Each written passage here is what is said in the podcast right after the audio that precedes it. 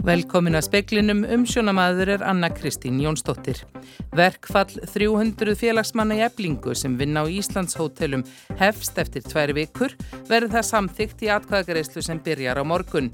Formaður fyrirtækja í hótel og gisti þjónustu segir ótrúlegt að beina í verkfalli að nánast einni kennitölu. Lauruglumenn mega bera rafbissur frá og með deginum í dag. Dómsmálar ráð þeirra segir að í nágrannlöndum hafi slísum fækka til muna við að laurugla beri rafvarnarvopn. Starfshópur leggur til að almennu byggðakvoti verði afnuminn og líka skil og rækjubætur á samt línu ívilnun. Og í hverju viku koma þrjú til fjögur börn á bráðamóttöku vegna nikotíneitrunar. Nikotínpúðar eru algengast ásökinn, sal á þeim hefur markfaldast á örfáum árum. 300 starfsmenn Íslandshótela fara í verkfall verða samþygt í atkvæðagreyslu eblingar sem hefst á morgun. Solveig Anna Jónsdóttir, formaður eblingar, býst við að svo verði með að við hljóðið í hótelstarfsmennum. Um, já, ég á vona því að þetta verði samþygt. Við náttúrulega um, höfum auðvitað niðurstur um, mjög viðamikillar kjærakonunar eblingar sem að síndi fram á það að um, mjög stór hópur félagsfólkseflingar er tilbúið til að leggja niður störf til þess að berjast fyrir betri kjörum. Um, en svo höfum við líka verið að fara í heimsóknir á hótelin. Uh, fullróru samningarnemnd hafa gert það til þess að ná samtali við félagsfólk. Um, það hefur gengið mjög vel. Svo erum við hér með fund í gær og hann gekk líka mjög vel. Af hverju beinist þetta að í rauninni einum hóteleganda? Já, eins og ég segi, þetta var bara neðusta eftir mjög mikla vinnu um, umræður í samningarnemndin að gera þetta með þessum hætti en á sama tíma erum við búin að vera að vinna stærra og, og viða meira plan sem að um, fer þá í verkfalls atkvæða greiðslu þegar og ef ekki nást samningar núna á næstunni. Kristófer Óliversson, formaði félagsfyrirtækja í hótel og gisti þjónustu, förðar sig á aðgerðum eblingar. Það er náttúrulega ótrúlegt að ég beina þessu gegn, já nánast einni kennitölu, einum hóteleganda. Þetta er ótrúlega hvernig þessi verkvall er að þróast. Hótelin eru ný risin upp úr COVID, ef svo má segja. Það er rétt sex mánuði síðan við vorum komin almenni í gang og þá á að fara á okkur aftur og það er alltaf verið að beita sömu þernónum fyrir sig. Þetta eru, hvað, einhver 5% af eblingar starfsmönnum hérna í Reykjavík sem á að taka slægin aftur og aftur. Það finnst mér alveg ótrúlegt. Saði Kristófer Óliversson, Bjarni Pétur Jónsson talaði hann og Solveigu Önnu Jónsdóttur. Jón Gunnarsson dómsmálaráð þeirra segir að slísum á lauruglumönnum og borgurum fækki um 10% að beri laurugla rafvarnarvopn. Í dag auðlaði skildi reglugjær sem heimilar þeim það. Jón var spörður um rafbissur í óundirbúnum fyrirspurnum á alþingi. Reynsla annara þjóða sem við berum okkur gætna saman við er mjög góð. Reynslan sýnir að þetta dregur svo nefnum 20% úr slísum á lauruglumönnum og einnig á þeim sem að þeir eru eiga við á hverjum tíma. Reynsla sýnir einnig að þetta eru sjálfnast að grípa til þessa rafvarnavopna, heldur sé að nóga þau séu til staðar og þannig verði ekki úr þessi líkamlu átök sem kallað er eftir.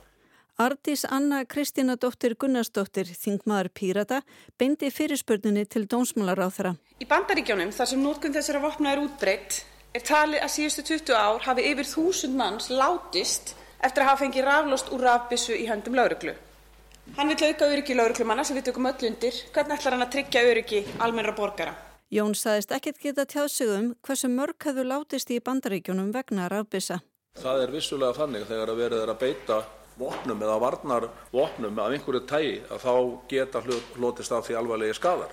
Það liggur í augum uppi og það á jæmt við um kilfur og annars líka búna sem eru varnarvopn lauruglu í dag, auk skotvopna í þeim tilfellu sem það á við.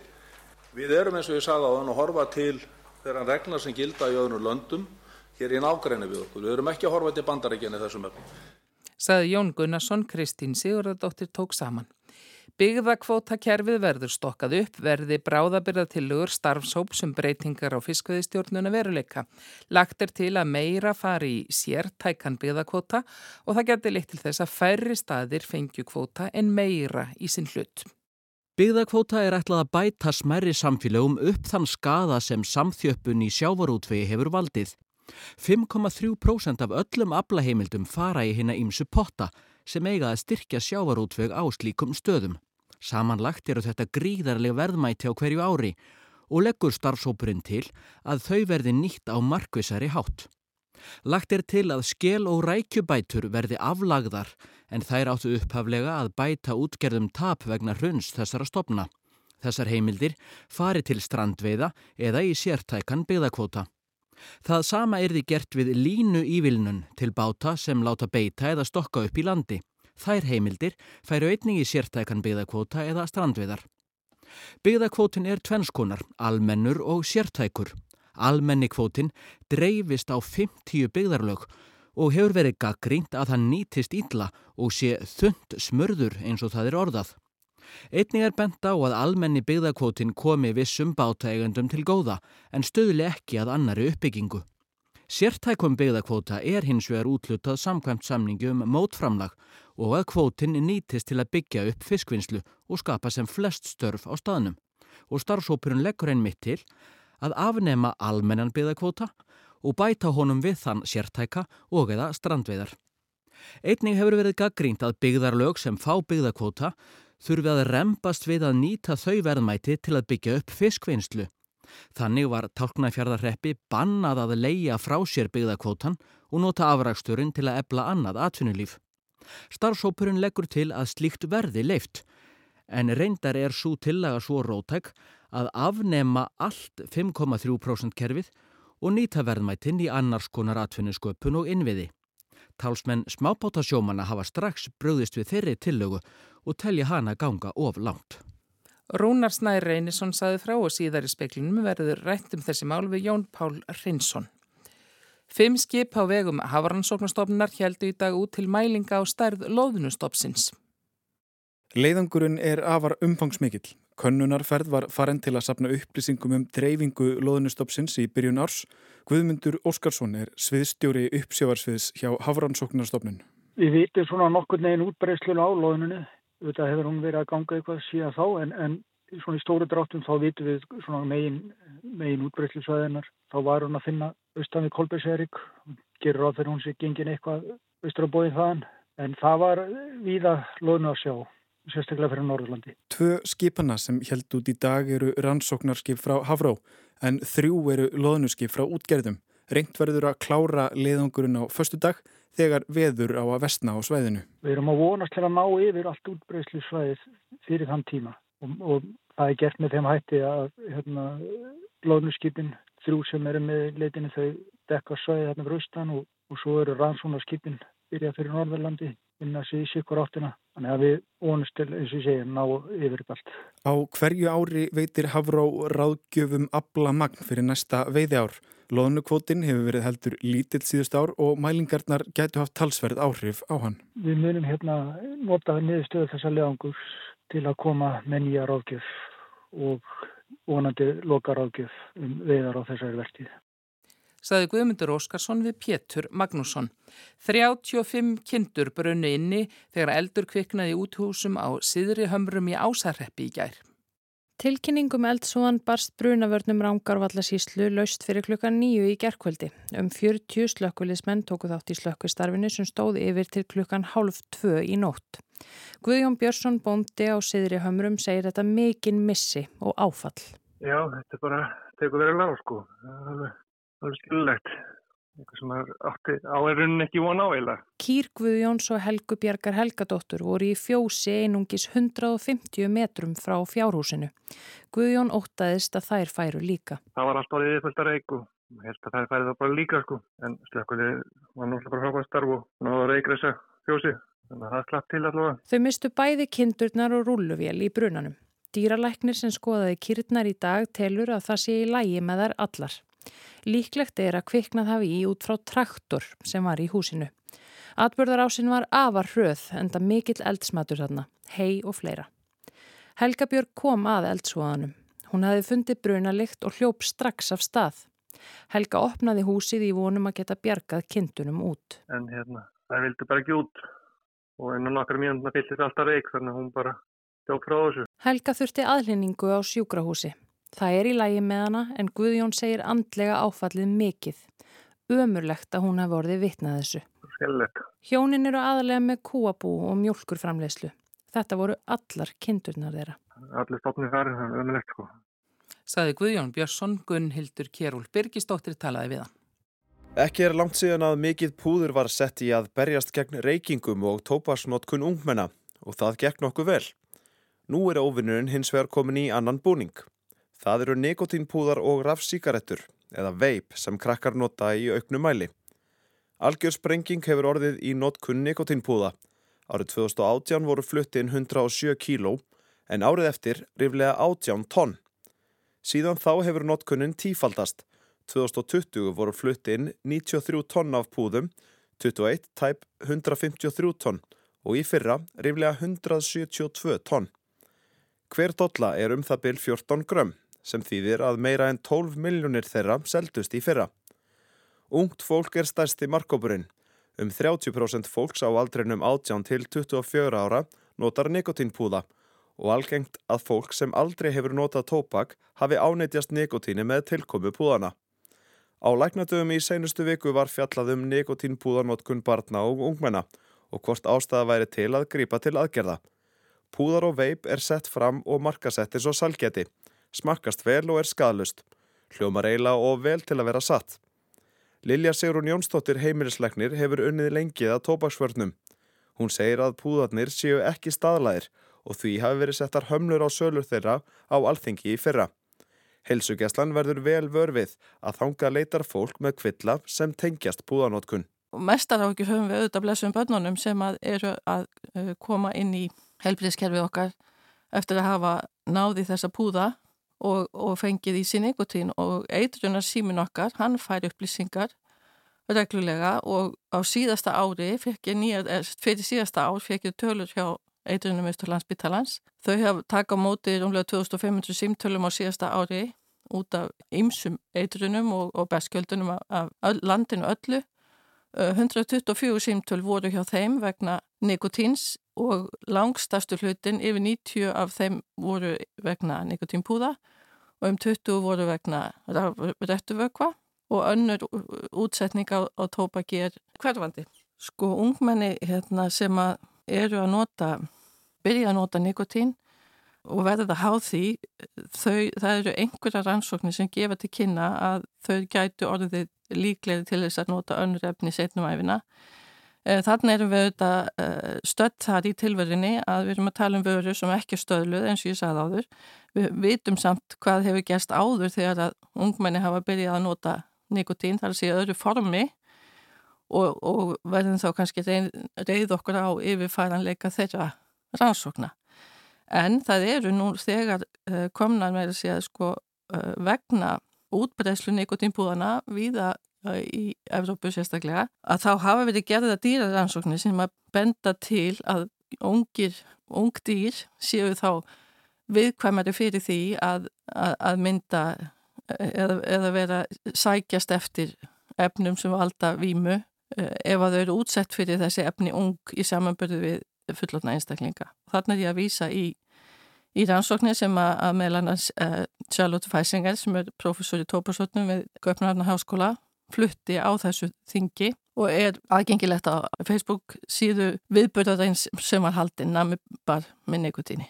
Einmitt, nammi bar með, með nikotíni, þetta það er fristandi fyrir ungmenni en hver eru einkenni nikotín eitrunar? Nikotín eitrunin, hún gefur sig yfirleitt uh, fyrst fram með ógleðu uppkostum og frásóið að nikotín er og við erum með þessu ég nefndi áðan þriðja hver dag símtöl til eitrunum með stöðuna vegna beskulduna þá hafa við mögulega ungmenni óvart gleift púðan sem það voru að prófa að setja upp í sig.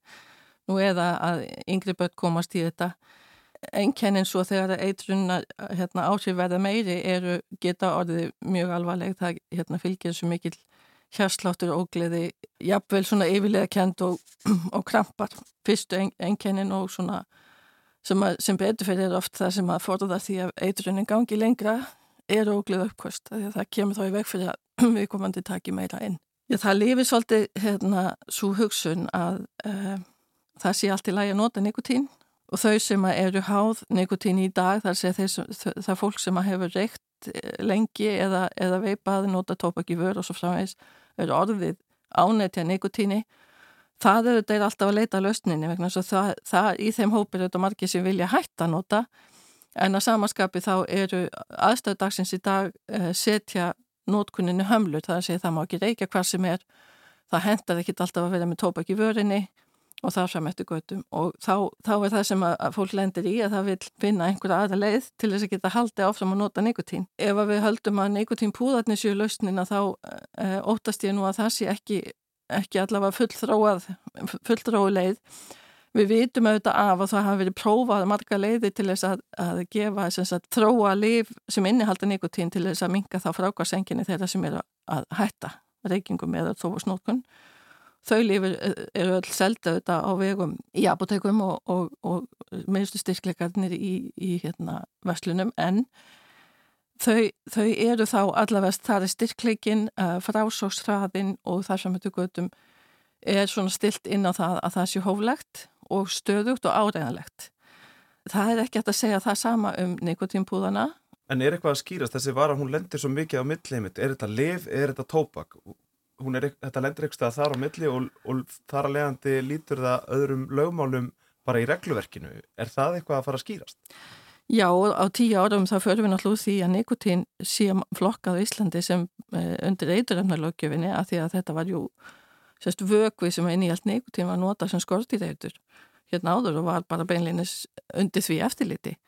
Alveg alla götur frá, frá því að rafrætturnar hérna, komi fyrst og svo núna þá er nikotínið sjálft eh, af því að hluti af því að framleitur annar stað þetta er ekki inni heldur ekki tóbak þá fellur þetta utan við þá lögja sem við notum í dag til að varna tóbaks útbreyslu í samfélaginu. Það brínir okkur í því hversu mikilvægt er að taka á rammanum og ekki síst því sem að eftir satt þegar þessi lögja var sett, það er að segja að leifa það að þetta væri bara með öllum bræðtegundum og þá er ég að tala um bara ávegsti eða hvað svo sem er.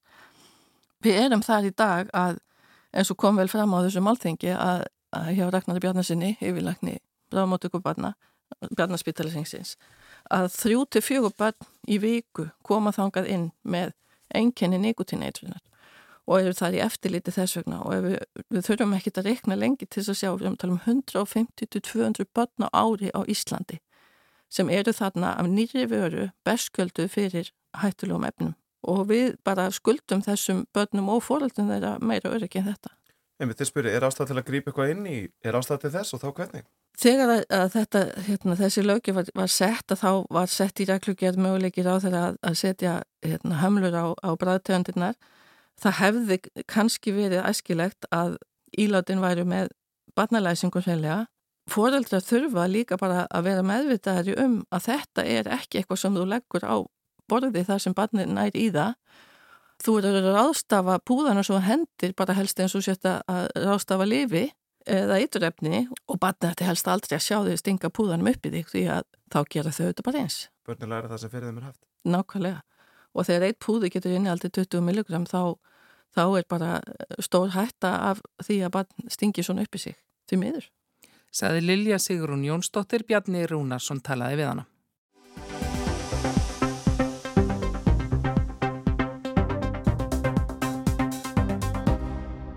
Matvælaráð þar að kynnti í síðustu viku 60 bráðabyrða tilugur um stefnumótun í sjávarútvei. Markmið þeirrar vinnu sem kend er við auðlindin okkar er að auka sátt um fiskveðistjórnarkerfið og sjávarútvei á Íslandi. Vinnan sögð hálnuð nú tekur við umræða í samráðsnefndum sjávarútvei í ríkistjórn og opnum fundum. Og meðal þessum fjallað er um er hvort afnema eða breyta í 5,3% kerfinu svo kallaða jafnvel leggja það af og meta kvótan til verðmæta sem sé svo ráðstafað öðruvísi. Jón Pál Hreinsson, bæjarstöru Bólingavík, tekur undir að í kringum þetta kerfi hafi verið núningur og margtvaldið óanægi. Ég held fyrst og fremst fyrst fólki kannski ekki nægilega að koma mikið út úr þessu og svo held ég á óstöðuleikin. Ég held að það sé svona óanægið sé að bá að búa. Þeir sem hafa, hérna, hafa haft að skoðan að sé að nýta peningana betur þeim finnst, finnst að þetta nota hérna, þessa fjármunni öðruvísi og og svo er hinn sem eru hinnum með hinn finnst uh, ekki nægilega mikil fyrirsjáleiki í þessu kerfi. Þannig að maður er svolítið varfið það að þetta er svona stöður kýtingur út í útlutunna ákveður fær þetta byggðalag svona mikil kvota og svo kemur útlutunum sjálf. Alls konar sérreglur og hérna, ofta tíum ósættu um hver, hver fær sín öndanum kvotan til eins ás í senn. Þannig að þetta skapar svona þannig að núning En það er ekkit einfalt að svara því hvernig gera mætti betur. Ég skil að mörgu leiti þá sem að hérna, segja að þetta kerfi sér og flóki og þetta sé, þessi, það sé ofund smurt eins og við tala um í tillögunum. Menn ég að frekar að líta á þetta sem er í svo stóran styrta sjóð að hálfu ríkisins og hvernig getur við nýtt hann best til þess að hérna, aðstöðu þau byggðalag sem eiga undir heggja sækja af. Þessu leiti einhver rauk fyrir því. Á hinvegin er ákveðið sko svona rammi utanamenda að peningurinn er svo sannlega að fara í dag til þeirra byggðalega sem að þurfa sannlega aðstofa að halda. Og ég held að fólk hræðist það að ef þetta fer í eitthvað svona, almennt styrtakerfi sem að byggja því að það þurfi að koma fjármagn og fjárlögum hverju sinni að þá munir það þinnast út með tímanum og smá sem mann hverfa og það sé betra að taka það sem við erum í dag, sem er kerfi sem er kannski alls ekki fullkomið, heldur en að fá einhvað sem að en óttasta hverfi í framtíðinu. Þannig að ég, ég held að þessi tvö sjónamið þarf að sætta. Þannig að ef að þessar tillögur eiga ná fram að ganga að það eiga að breyta eða afnema þessi 5,3% að það þarf að, að annars vera, vera skýrt hvað að gera og það þarf að tryggja stöðuleika á því nýja kerfi. Þannig að Þannig að það sé ekki sko pólitískar ákvarðanu að hverju einasta ári um að það eigi að setja fjármagn eða stuðning til þessara dreifið byggða. Sagan segja okkur að það sé ekki einfalt að breyta þessu kerfi. Þegar hafi nefndir og starfshópar skila tillögum að breytingum á 5,3% kerfinu sem hafi nánast gufað upp. Og það geti líka verið erfitt að tryggja stöðu og fyrirsjónleika ef horfið verður frá kvótanum og hort frekar til fjármuna í byggðastöðningi. Ég held að það sé boru von að breyta þessi kerfi nema að það komi með svona skýrar tilugur um einhverja, einhverja langtíma uh, framtíð hvað varðar þessa byggðir og svo má aldrei ekki glemja því að það eru talsvert um innviði í, í þessum byggðalugum sem að þá myndi öllu líkjum hverfa. Það er mikið afstörfum, mikið af fólki sem að vinna við sjáaröldveg sem byggir á okkur um innviðum, fiskvinnsluhús, tæki dekking, eh, markasmál, sölumál og svo fræðis. Það er talsvert af veiðum ávinnslu uh, til dæmis á vesturum uh, sem byggir á því að það sé beðugoti. Þannig að þetta er ekki bara að, að taka ákvörðunum að hætta og svo komi einhvað í staðin. Sko. Það verður að vera mjög skýrt og þetta, ég held að allar byltingar séu ekki góðar í þessu kerfi, við höfum ekki að bylta kerfinu, það er það að breyta, það er að gerast hægt, fyrirsjálegt, taka langa tíma, en kannski ekki mjög íslest. Það geti vissulega verið eitt kostur að hverfa af þessari leið en þá verða verið ljóst hvað tekur við og að það haldi til lengri tíma. Það séu mikil tækifæru á vestfjörðum eins og annar staðar. Við sjáum alltaf öðru kóru, svona nýsköpun sem að uh, nær árangri á vestfjörðum. Fiskaldið byggir náttúrulega á innviðum og svona náttúrulegum eiginleikum sem að helst í fjörðanum og aðgengið að þeim. En við sjáum vissulega annar staðar eins og til þess að við búin að með mjölkuvinslinu örnu kera sér svo ísöfti.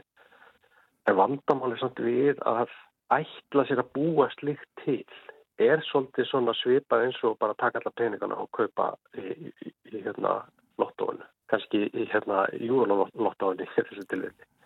Þú veist ekki endilega að það er ekki tryggt að eitthvað slíkt gerist. Allra síst hérna, stjórnvöld geta ákveð að búa til nýtt gera sér þess að búa til nýja örnu á vesturinn.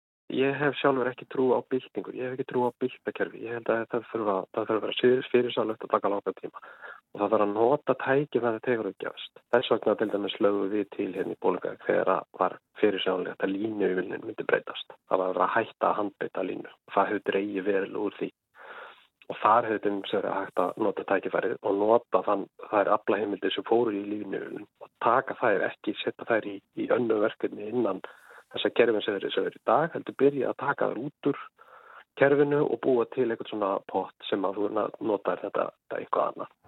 Það hefur verið ákveðið tækifæri til þess að sjá hvað hefur gerst og hvernig það hefur gengið, hvort að eitthvað sátt hefur skapast um það kerfi. Það er bara eðli lífsins að mann finnst einhvern veginn. Þetta er svona í dag að það mun aldrei breytast. Þetta mun breytast. Raunvölu er það þannig að það er alltaf stittra í þessar breytingar og tækifærin. Ein leiðin er að búa til kerfi sem að það sem hefur búið ákvæði fyrirfram hvað við ætlum að gera þegar það skapast fyrir til þess að breyta því og hvernig við ætlum í hvað áttu ætlum að taka. Saði Jón Pál Reynsson.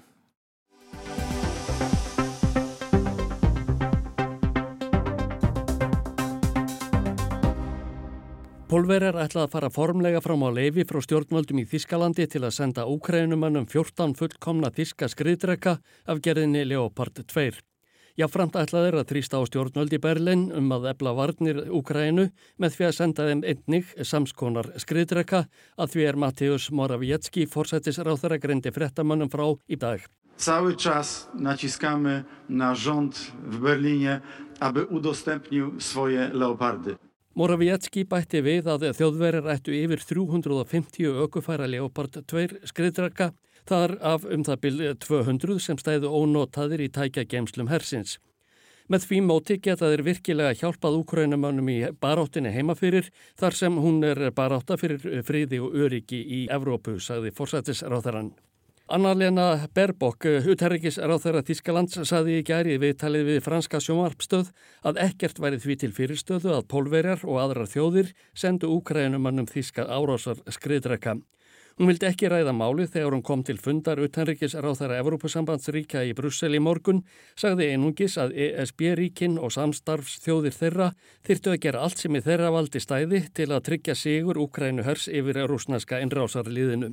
Wenn sie diesen Krieg verliert, dann gibt es keine Ukraine mehr. Und deswegen ist es so wichtig, dass wir als internationale Partner gemeinsam vorgehen bei der Unterstützung und dem Recht auf Selbstverteidigung der Ukraine. Vielen Dank.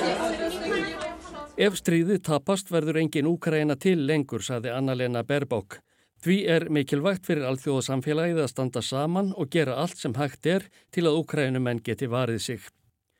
Pólverjar talja að orð Berbok frá í gær séu ekki nóg til að leifi sé fengið til að senda úkrænumannum skriðdrekana. Ólaf Sjólds, kanslari, verði að gefa grænt ljós. Mateusz Morawiecki, forsættisráð þeirra, sagði í dag að samþykja frá honum væri í raun aukaatriði. Pólverjar ætluða að aðfenda úkrænumannum sína 14 skriðdreka og beita sér fyrir því að fleiri þjóðir gerðu hér sama hver sem afstafa stjórnvalda í Berlín væri. Að sagn stjórnvalda í Kenugarði er afar mikilvægt að ukrænski herin fái öfluga árásar skriðdreka til að geta sótt fram gegn rúsum. Andri Jermak, aðsti yfirmaður herraðsins, skrifaði á samfélagsmiðlum í dag að herin hefði ekkert við 10-20 að gera, heldur nokkur hundruð. Markmiðið sagðan vera að ná hernundum landsvæðum, þannig að landamærin yrðu hins sömu árið 1991. Einnig ætti að refsa óvininum og láta hann gjalda fyrir glæpi gegn þjóðinni. Á VF CNN er haft eftir sérfræðingum að um það byrj 2000 leopard skriðdrekkar séu til í 13 Evrópuríkjum. Ólaf Sjólds kanslari er sagður tregur til að fallast á að þeir verði sendir til Úkrænu nema aðgerinn verði vandlega samhæfð. Einni er hann sagður vilja að bandaríkjaman sendi M1 Abrams skriðdrekka til landsins. Þingmenn á bandaríkjamþingi þrýsta á stjórnveld að senda þó ekki væri nema eitt slíkan til Úkrænu eins og ABC sjómarpstöðin hafði eftir Michael McCall, formanni uthæringismála nefndar fulltrúa deildarinnar. Slíkt myndi hleypa af helli skriðu af skriðdrekkum frá Evrópuríkjum. Frá því að innrás og rúsa hófst fyrir 11 mánuðum hafa pólverjar sendt Úkrænumannum 250 skriðdrekka. Þeir voru smíðaðir á sovjettímanum og eru mun ófullkomnarir en dísku leopard árásvardrekarnir.